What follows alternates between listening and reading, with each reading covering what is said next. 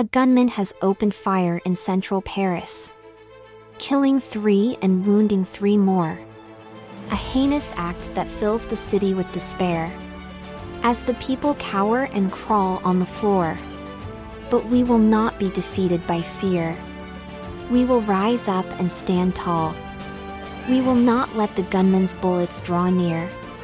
We will not let his actions appall. For we are strong, and we are free. We will not be ruled by violence or hate. We will stand up and be counted, you'll see. We will not let our spirits deflate.